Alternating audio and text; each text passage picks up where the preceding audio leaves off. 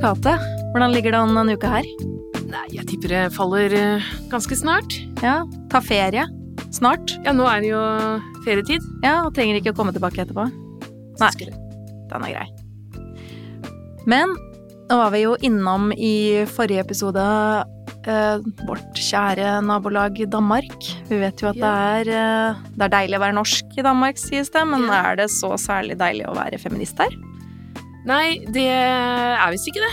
Eh, Det er litt spesielt akkurat det der med, med Danmark eh, og feminisme, fordi på 70-tallet så blei jo Danmark sett på som sånn foregangsland. Ja, skikkelig fyrtårn. Det var, Internasjonalt. Virkelig, og det var, det var jo sånn, sånn som folk snakker om Sverige nå, at eh, herregud, der er de helt rabiate og PK og sånn. Sånn snakka jo ganske mange i Norge om danskene på 70-tallet. Eh, Jeg har jo lest Sirene, som, som mange vet. Ja. de, mye om det. de nevner det rett som det er. Ja, og der, eh, der eh, er det en del sånne reportasjer om, om akkurat det, om eh, Blant annet så er det en dame som heter Bente Klod, som var ganske kjent i Norge på den tida, som var en, en, en av de som ble trukket fram som liksom De er bare altså, mannehatende lesber, og de går rundt nakne på Det var en sånn øy som het Femø, hvor, som var forbudt for menn, og der gikk alle damene nakne. Eh, Det høres veldig deilig ut, spør du meg. Skulle gjerne starta en Femø-leir. Men, eh, men det ble jo sett på som, som sagt litt spesielt, da. Og, og mm, i dag så er det på en måte mer motsatt. Nå snakker man om danskene som de dårligste på feminisme og likestilling i Norden. Ja, for det er sånn internasjonalt så er jo Skandinavia sett på som det mest feministiske stedet du kan befinne deg, og, Ja. og det er jo eh, både Norge, Sverige, eh, Island Mm. og Finland. Ja. Men danskene De, ligger, de, de har rykka Det er jo en sånn liste, da. øh, sånn årlig likestillingsbarometer som øh, World Economic Forum øh, lanserer. Der ligger Danmark nå på 14.-plass. Det er jo på en måte ikke dårlig i verdenssammenheng, men det er dårlig i Norden. Og de, og de rykker stadig nedover. Eh, Jeg deltok på en konferanse for feminister på Schæffergården i København for noen måneder siden, og da var dette et av de hovedtemaene. Da. Hvor, hva, hva er det som skjer med dansk eh, feminisme og likestilling? Og det var noen akademikere der som la fram eh, noen rapporter om at eh, metoo eksempel hadde hatt veldig lav effekt i Danmark, eh, og blitt mye motarbeida eh, av mange, og at det er mye mer fordommer mot feminisme enn i de andre landa her i Mm. Norden. Ja, men det er jo fortsatt også Nå har jeg et eksempel fra en av mine kollegaer eh, som var på en konferanse, deltok på en konferanse i regi av et stort dansk konsern. Skal kanskje ikke si navnet på det. Mm. Eh, hvor hun reagerte på at eh, alle, uten unntak, som sto på scenen i løpet av de to dagene, både konferansier og deltakere, var menn. Mm. Og valgte å ta dette opp med da administrerende direktør for dette store konsernet. Hun fant sitt snitt til å si at hei, var ikke det litt spesielt? Og han eh, så veldig rart på henne, og så sa han nei, nei, vi, skal, vi har bare de beste på scenen. Ja, ikke sant. Det er sånn, vi har, vi har hørt det der før. Ja, men det ligger noen få år, sånn fire-fem år tilbake i tid, i hvert fall her i Norge. Det, Ja.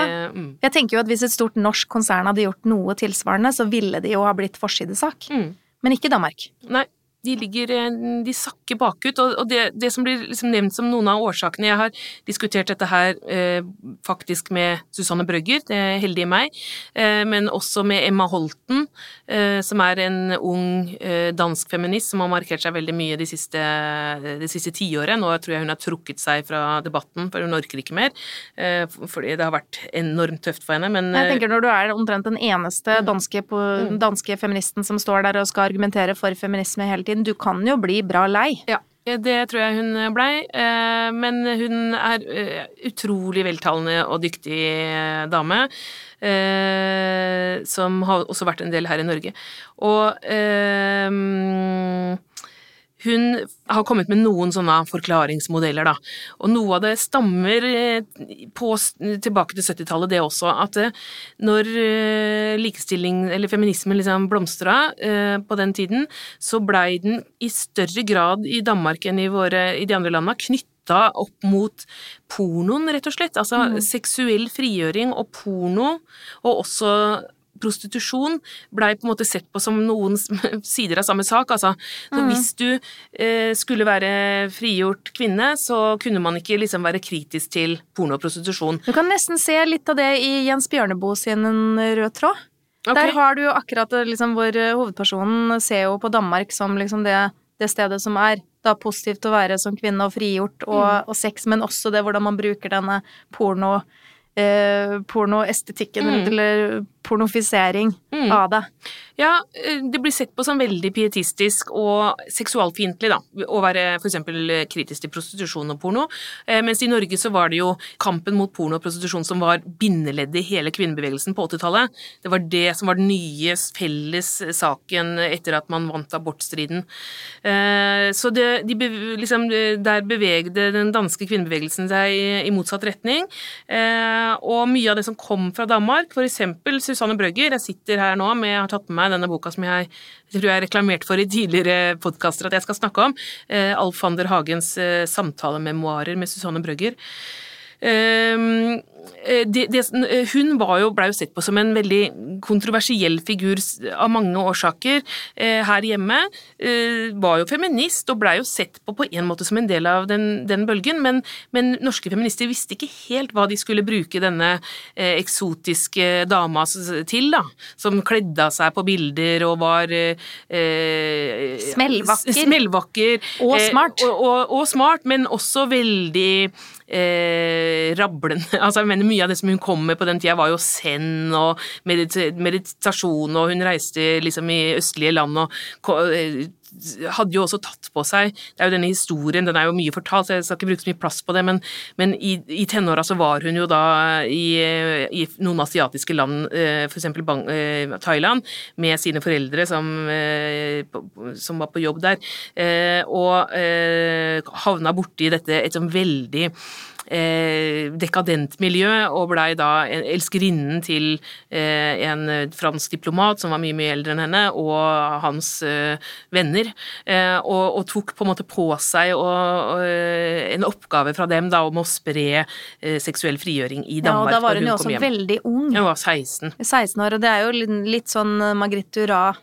Ja. over, over hele den settingen der. Veldig eh, spesiell historie, som eh, på en måte blei en del av hennes eh, liv og historie også, som hun har bearbeida og skrevet om på mange, måter, mange ulike måter.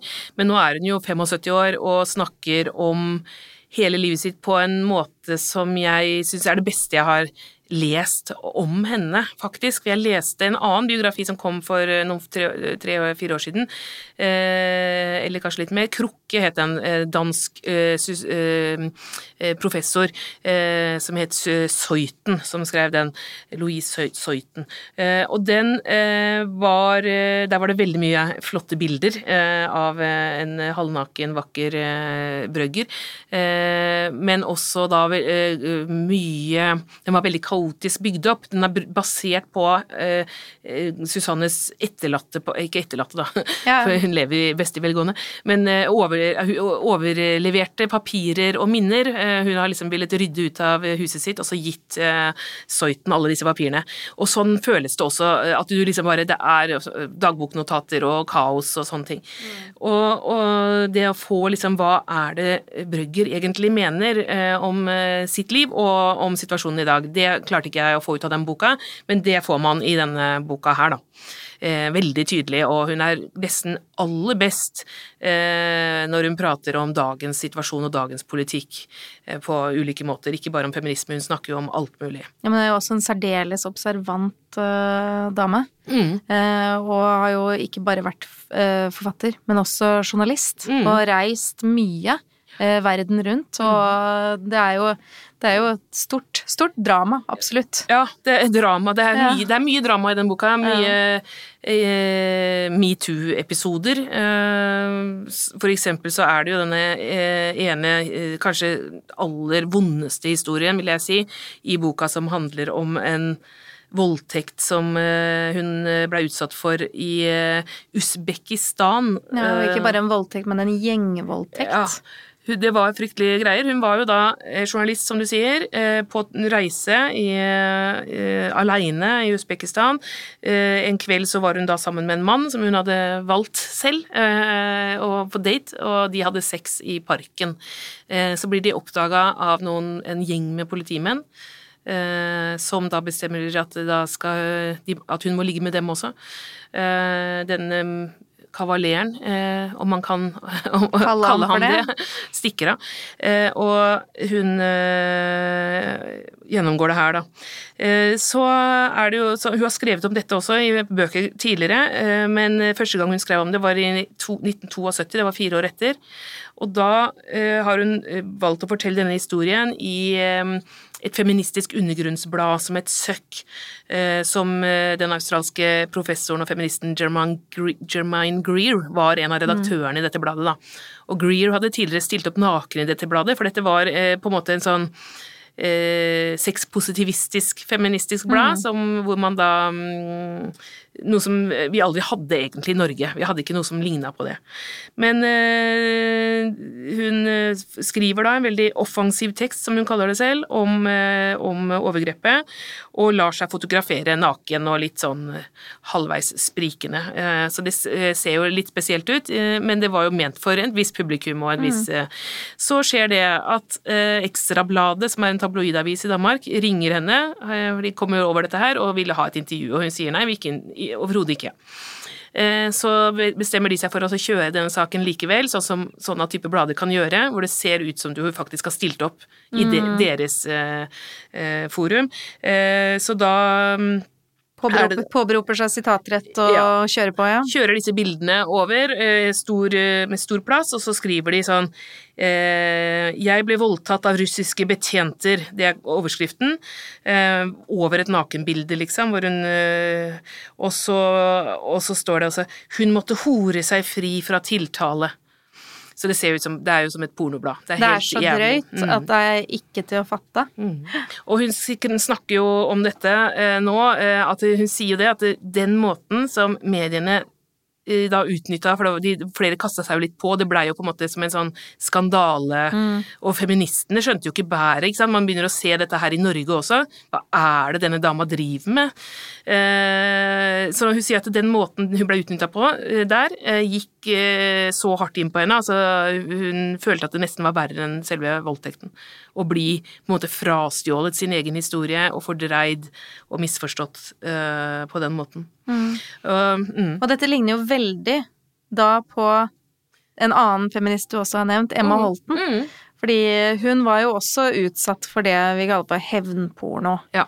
Det var jo utgangspunktet egentlig for at hun tok den posisjonen som hun gjorde mm. i Danmark. Ja, det var sånn hun eh, på en måte blei kjent. Hun hadde jo eh, da Dette tror jeg var noen, eh, en ekskjæreste som hadde lagt ut nakenbilder av henne eh, mot hennes vilje. Og, mm. og på eh, pornonettsteder. På, det var ikke bare ja. på nett, det var på pornonettsteder ja, og spredde seg. Sider, og hun fikk og hun ble veldig plaga av det. det. det. var en enorm eh, mengde menn som tok kontakt med henne over lang tid med mm. ting.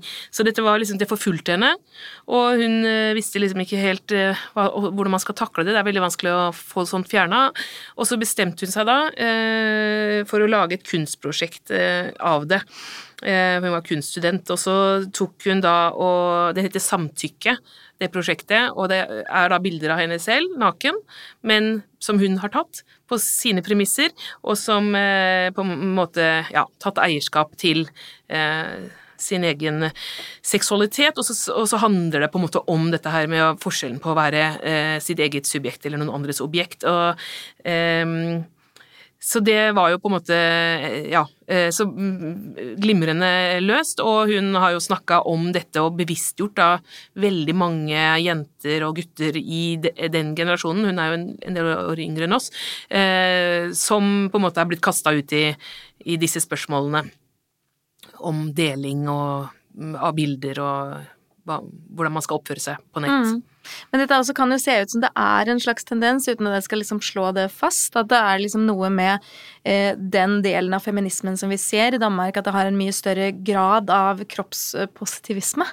Det, og det kan vi jo se lenket da tilbake til 70-tallet, og også litt med de feministene som markerer seg i dag Mm. i, i Danmark. De har en litt annen sånn tilnærming til, til hvordan man skal eh, snakke om feminisme.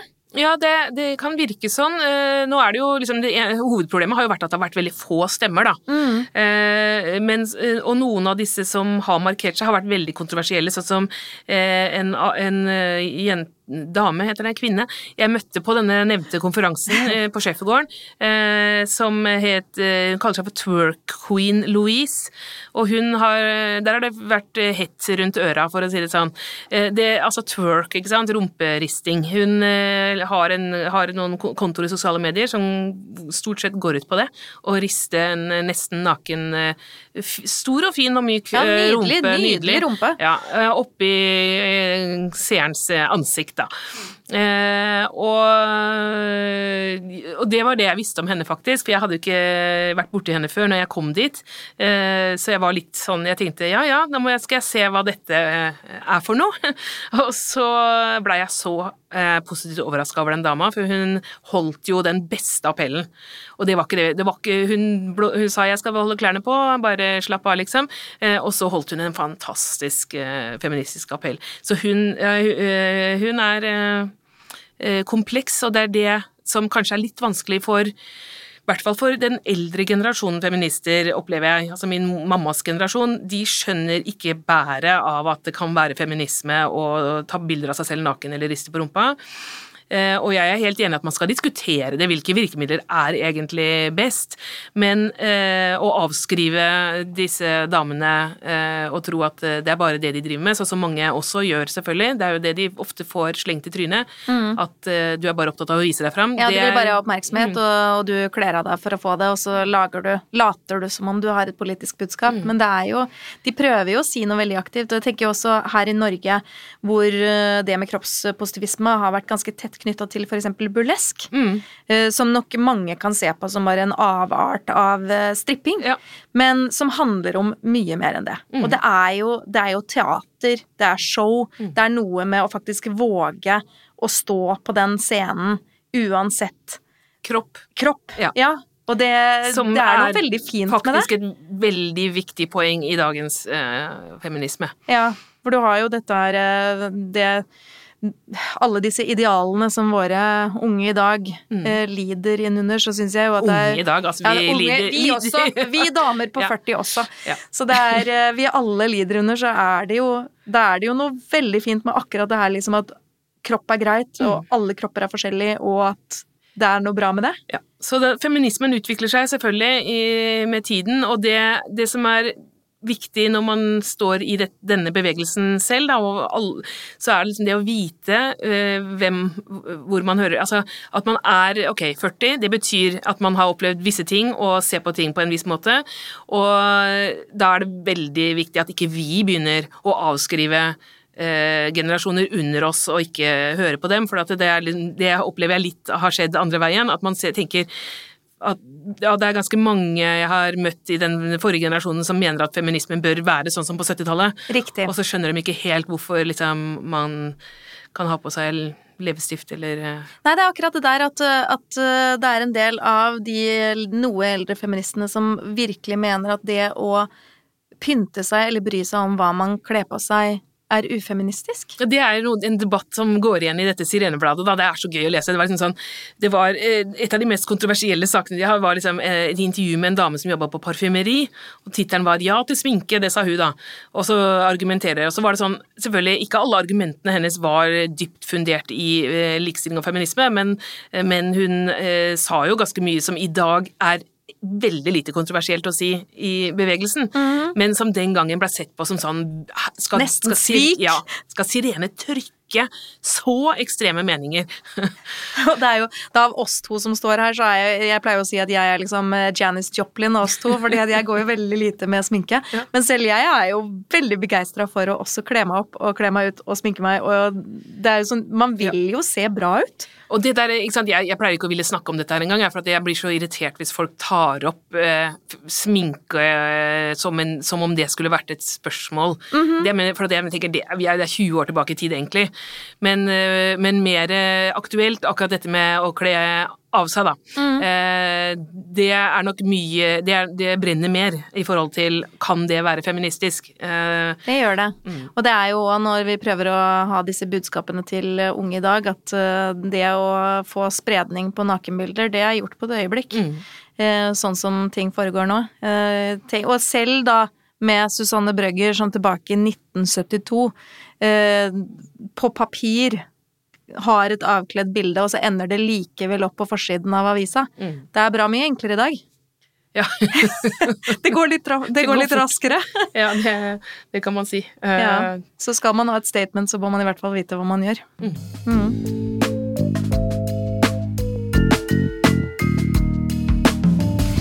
Men da har vi trukket en lapp i skåla vår. Ja. Og der fant vi denne gang svenske forfatteren Kjerstin Thorvald.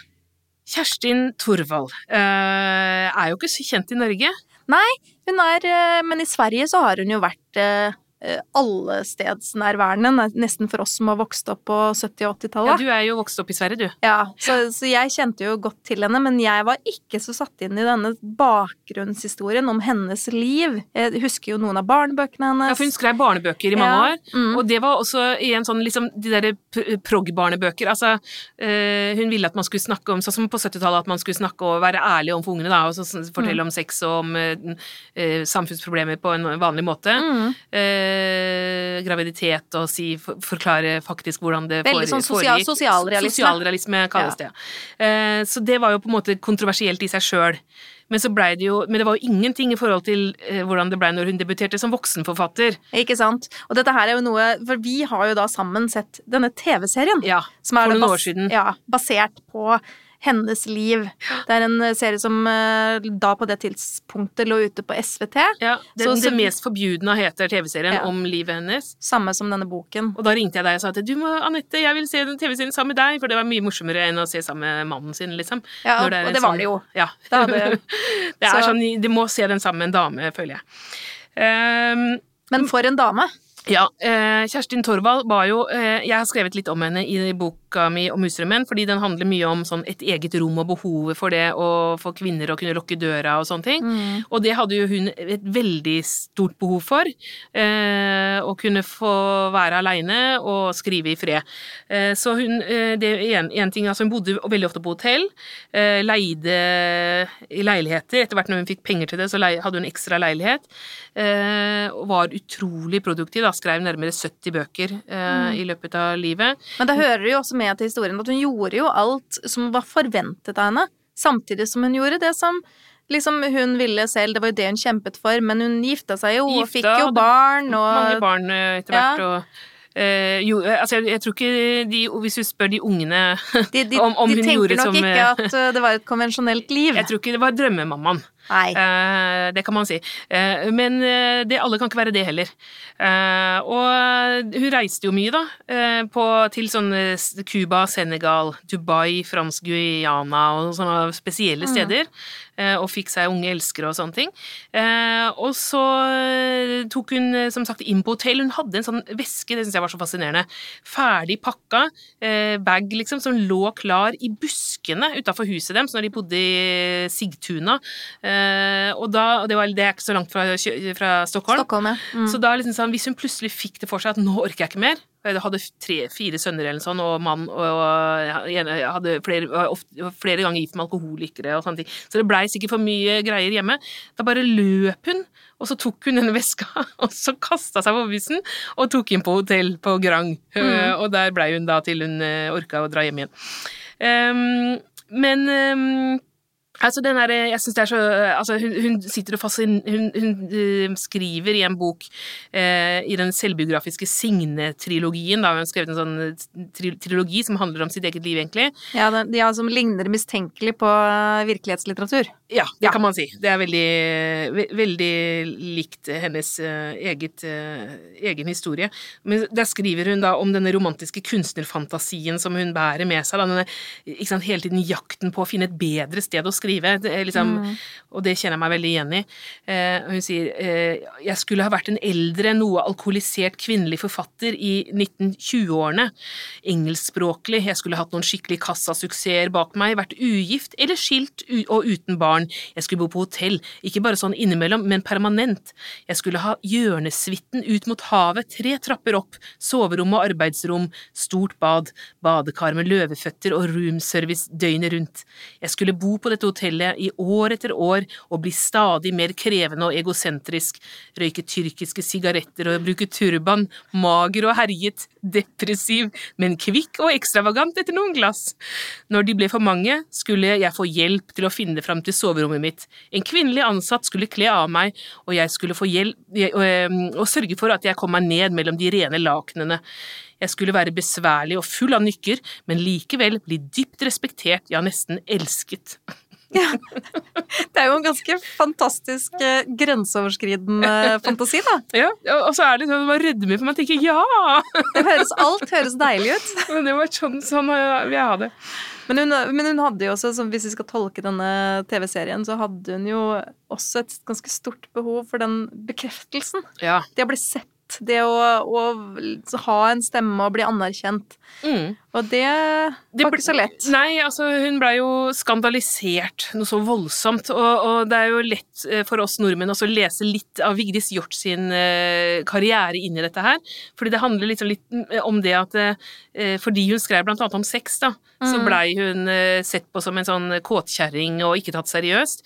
Før hun med årene plutselig blei det. Når tidsånden hadde endra seg, mm. så, så blei hun nylest og, og løfta opp på en annen måte. Ja, og da er det jo denne det mest forbudne. Ja, det er den boka som virkelig som, fikk den der, det stempelet, da. Ja, skandalestempel. Ja. ja. Uh, den boka uh, kom jo i Var det 76, da? Uh, samme året som Ulf Lundell ga ut sin debut Jack. Eh, og de to bøkene ble sammenligna i mottagelsen, fordi at eh, boka til Det mest forbjudne handler jo om en da middelaldrende kvinne, som Torvald var på den tiden der, eh, som hadde et stort sexbehov, som hun også hadde, og er veldig åpen om mm, og skriver om uh, ulike Ja, om seksualitet, og mm. beskriver det fra den middelaldrende kvinnens ståsted. Ja, at dette behovet er levende, mm. og at det fins at, at, det fortsatt er et behov som skal som trengs å fylles, da. Ja. ja. Detaljerte beskrivelser av den kroppen kroppen og er ikke, mm. Man er jo vant til å lese kanskje litt, i hvert fall på det, i 76, da, av uh, hvis det skal være kvinnelig seksualitet, så skal den være liksom ung og vakker og smakfull, da. Mens her så var det liksom om uh, stønning og svetting og dunsting og lukting, liksom. Uh, og, og, kåtskap. Mm. så dette her, når den kom, så og Da var det kritikerkorpset på den tida veldig mannsdominert, og de hata den, liksom. Altså, de ble kvalme, og den, den, den, den måten de skrev om det, er nesten rystende eh, å se i dag. Eh, den ble omtalt som boka da, eh, som ekshibisjonistisk og snuskete, selvfølgelig. Mm. Eh, Til forskjell fra Jack, da. Ja, ikke sant? Ja, for Jack var ikke det. Den var ikke det. Nei, Nei altså, det var særlig dette med vemmer, altså, at det var privat. Dette burde du holdt for deg sjøl, liksom, din kåte kjerring. Mens da Torvald Nei, eh, Lundell-boka, eh, som da handla om en ung mann eh, med stor seksuell appetitt og masse tilfeldig sex og kåtskap, eh, det blei jo genierklært umiddelbart. Eh, og jeg sier ikke at man alltid kan sammenligne bøker sånn sett, men man kan sammenligne mottagelsen og, og hva Eh, hvilke følelser du ser at anmelderne får, da. Eh, mm. For der var det ikke noe vemmelse, det var ingen som syntes det var ekkelt. Og det samme gjaldt jo også de, eh, samme, altså, nei, faktisk tre år før Torvalds bok, så hadde Erika Young Eh, amerikansk forfatter skrevet 'Redd for å fly', og Susanne Brøgger skrevet 'Fri oss fra kjærligheten', som begge to også var veldig seksualiserte bøker fra kvinner. Så, eller altså med ja. Eh, tette beskrivelser av sexliv eh, og fri sex og sånn. Men, og de fikk ikke den mottagelsen. Men var jo, de var jo veldig unge og pene, de to forfatterne. Og det er liksom da blitt spekulert i om, om det var liksom nettopp det, da. At vi, kun, vi kan høre om kåte unge, pene kvinner, men kåte, gamle kjerringer, det der ja, men Er det ikke litt sånn fortsatt? Nå tenker jo jeg på mottagelsen av Wenche Mulleisens uh, nyeste roman, mm. 'Redd deg selv, lille hjerte', mm. som handler om en kvinne i 60-årene som, uh, som eh, opplever at eh, Hun får beskjed om at mannen som hun har vært gift med i 20 år, som hun har slutta å ha sex med, Mm. han driver og ligger med noen som er 15 år yngre. Mm. Og dette setter i gang ganske mye.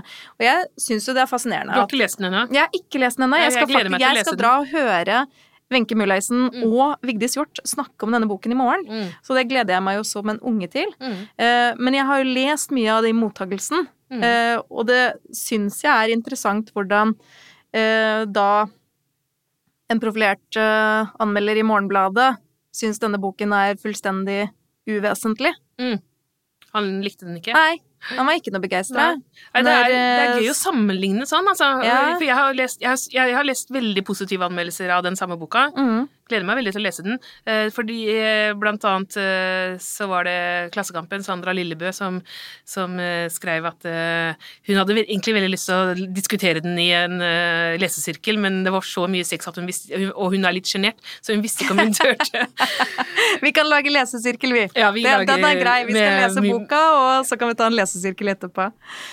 Men Kjerstin Thorvald, hun, hun fikk jo etter hvert anerkjennelse. Det Ja, kom mer med det kom, alderen. kom mer med alderen, eh, fordi eh, hun levde jo til utpå ut på 90-tallet, faktisk. eh, Og da hadde det svenske samfunnet endra seg. eh, Så hun fikk jo både priser og, og anerkjennelse til slutt, eh, heldigvis. Eh, Men eh, det er ikke alle som har opplevd det samme. Jeg, jeg skriver jo, jeg sammenligner henne i, i 'Muser og menn' litt med Marie Takvam, den norske poeten, som eh, var eh, Som er egentlig ganske parallell i livs... eh, De var like gamle, og hun også opplevde denne det vi kan kalle ageism, da. Altså mm. at folk syns at eh, dette blei for privat og for mye kropp og seksualitet fra en gammel kjerring, liksom. Eh, eh, Og da hadde de vel bare så vidt kanskje bikka 40. ja, ikke sant? Det er jo det som er For, det, Det er på den tida så ble man jo sett ja. liksom som, som gammel idet du var 36. Ja. Det hun skriver raker ingen, eh, sa VG-anmelder Pål Brekke da, eh, etter debuten. Eh, og da uh, han i boka 'Brevet fra Alexandra' i 1981 skrev om da middelaldrende kvinnes eh, sexliv, så blei den også anmeldt i VG under tittelen 'Maries skrik etter sex'. Altså, det var liksom ikke det, det var ikke noe forsøk engang på å prøve å skille mellom hovedpersonen i boka og Nei, Marie nei. Takvam. Det var Marie eh, Takvam som skrek etter sex her. Uh, og, hun, og det var så voldsomt at hun måtte ut og forsvare seg i et uh, leserinnlegg sjøl. Ja. Og, og hun uh, sto i dette her hele veien, den derre voldsomme negativiteten rundt hennes person, også i forbindelse med, det- med denne åpenbaringen, filmen som Vibeke Løkkeberg lagde, hvor hun spilte hovedrollen og var naken, og det var jo denne rumpefeiden som eh, er blitt berømt. Eh, Så alt dette her var liksom veldig At hun var eh, Hun kom, rakk på en måte ikke å komme til den Jeg tror også Marie Takam ville blitt hylla på en helt annen måte hvis hun hadde levd noen tiår til. Mm. Ja, for jeg syns jo at eh, når vi snakker om denne ageism bare som en liten digresjon, så er det jo da kommet en eh, konto på Instagram som heter eh, 'Norges vakreste forfatter'. Ja, Har du fått med deg det? Ja, jeg så det. Ja, det er, eh, jeg må jo følge den. ja vi, følger, vi følger med. Mm. For det er jo selvfølgelig veldig interessant for oss å se hvem det er som blir. Men De, de er jo veldig vakre, de Det er, er Ja. annenhver kvinne og annenhver mann. ja, og det er jo veldig likestilt. Ja. Ja, så det er jo veldig fint at når vi liksom objektiviserer, så tar vi i hvert fall en likestilt objektivisering. objektivisering. Men det er jo litt, litt unødvendig også i det hele tatt Ja. å trekke fram det med utseendet, for det er jo Det har vi som endelig kommet bort fra. Ja. Å snakke om utseendeforfattere. Akkurat med Marie Takvam som nevnt, Mm. eh, var det jo liksom berømt anmeldelse som André Bjerke skrev Ja. eh, liksom når hun debuterte. På tall om kulturmenn. Ja, ikke sant? Og, og det var, det var et, et langt, langt avsnitt som bare var en beskrivelse av hennes ansikt. Eh, og altså, var anmel han anmeldte egentlig bare portrettet av eh, forfatteren på eh, omslaget. Ja. Og så liksom Ja, hun er pen, så det lover godt. Uh, og det er på en måte og Det er inngangen. vi er liksom kommet, men jeg, ja, Det er lenge siden, da. Ja. Uh, men Tove Nilsen har også fortalt det at når hun debuterte på liksom, slutten av 70-tallet, så var det Nei, det var vel ikke slutten, det var vel begynnelsen av 70-tallet. Slutten av 60-tallet var det. Tove. Nilsen. Eh, så, så var det mye fokus på det med utseendet. Hun var jo en veldig pen, ung eh, kvinne, og fikk eh, Og det ble påpekt, da, i, i, intervjuer, mm. men også i anmeldelser. Eh, og nå føler jeg at vi er liksom jo, Jeg, trodde også vi hadde kommet litt forbi det. men kanskje det er jo at vi er kommet så langt at det er åpent for å fetisjere Ja, men da igjen. syns jeg jo at tilbake til denne ageism eh, som vi Jeg vil om bare si akkurat det, Ja. det, det jeg er mest kritisk til med den eh, kontoen, Instagram-kontoen, er jo at det står at det bare er skjønnlitterære forfattere som får Ja, være med. Hva slags bare, diskriminering what? er det? Det er jo ikke noe vits for meg å følge, det er jo ikke noe spennende. Nei. Hva med sakprosa? Ja. Hva med barnebøker? Hva med Mm. krim? Hva med underholdningslitteratur? Det er veldig mye å ta av her. Eh, Men jeg syns jo at det er litt påfallende at de eneste av de vakre forfatterne som får lov å være litt eh, opp i åra på bildet, vel å merke, er mennene. Er det sånn, ja? Ja, Mm. fordi at selv om at uh, Vibeke Løkkeberg er faktisk en av de, og hun er jo en fabelaktig dame, så er det Men bildet, bildet av henne er jo bildet av henne er at hun fra hennes fra ungdom. 20-åra, ja. Det er ikke fra nå. Mm. Så det stussa jeg litt på. Mm. Uh, og så er vi jo selvfølgelig Hun er jo så øh, Ja, man skal ikke Nå har vi nettopp sagt at man ikke skal snakke om utseendet, Nei, men det må jo øh, være lov å si men, at Vibeke øh, Løkkeberg er en smashing dame. 75-åring, det tror jeg ikke det, øh, Apropos, jeg har jo øh, lest biografien om henne. Den øh, tar jeg med neste gang. Den skal vi snakke om neste gang. Mm. Men altså, Kjerstin Thorvald. Storartet dame. Se TV-serien. Les- Les, bøkene hennes. Les bøkene. Anbefales. Ja, da er det vel bare å nevne at vi er fortsatt på Facebook. Vi er på Instagram. Du kan nå oss på e-post på patriarkatefaller at gmail.com, og vi hører gjerne fra deg. Du har hørt podkasten Patriarkatet faller av og med Marta Breen og Anette Garpestad. Teknikk og musikk ved Margarita Krimici. Og utgiver er Cappelen Dam Forlag.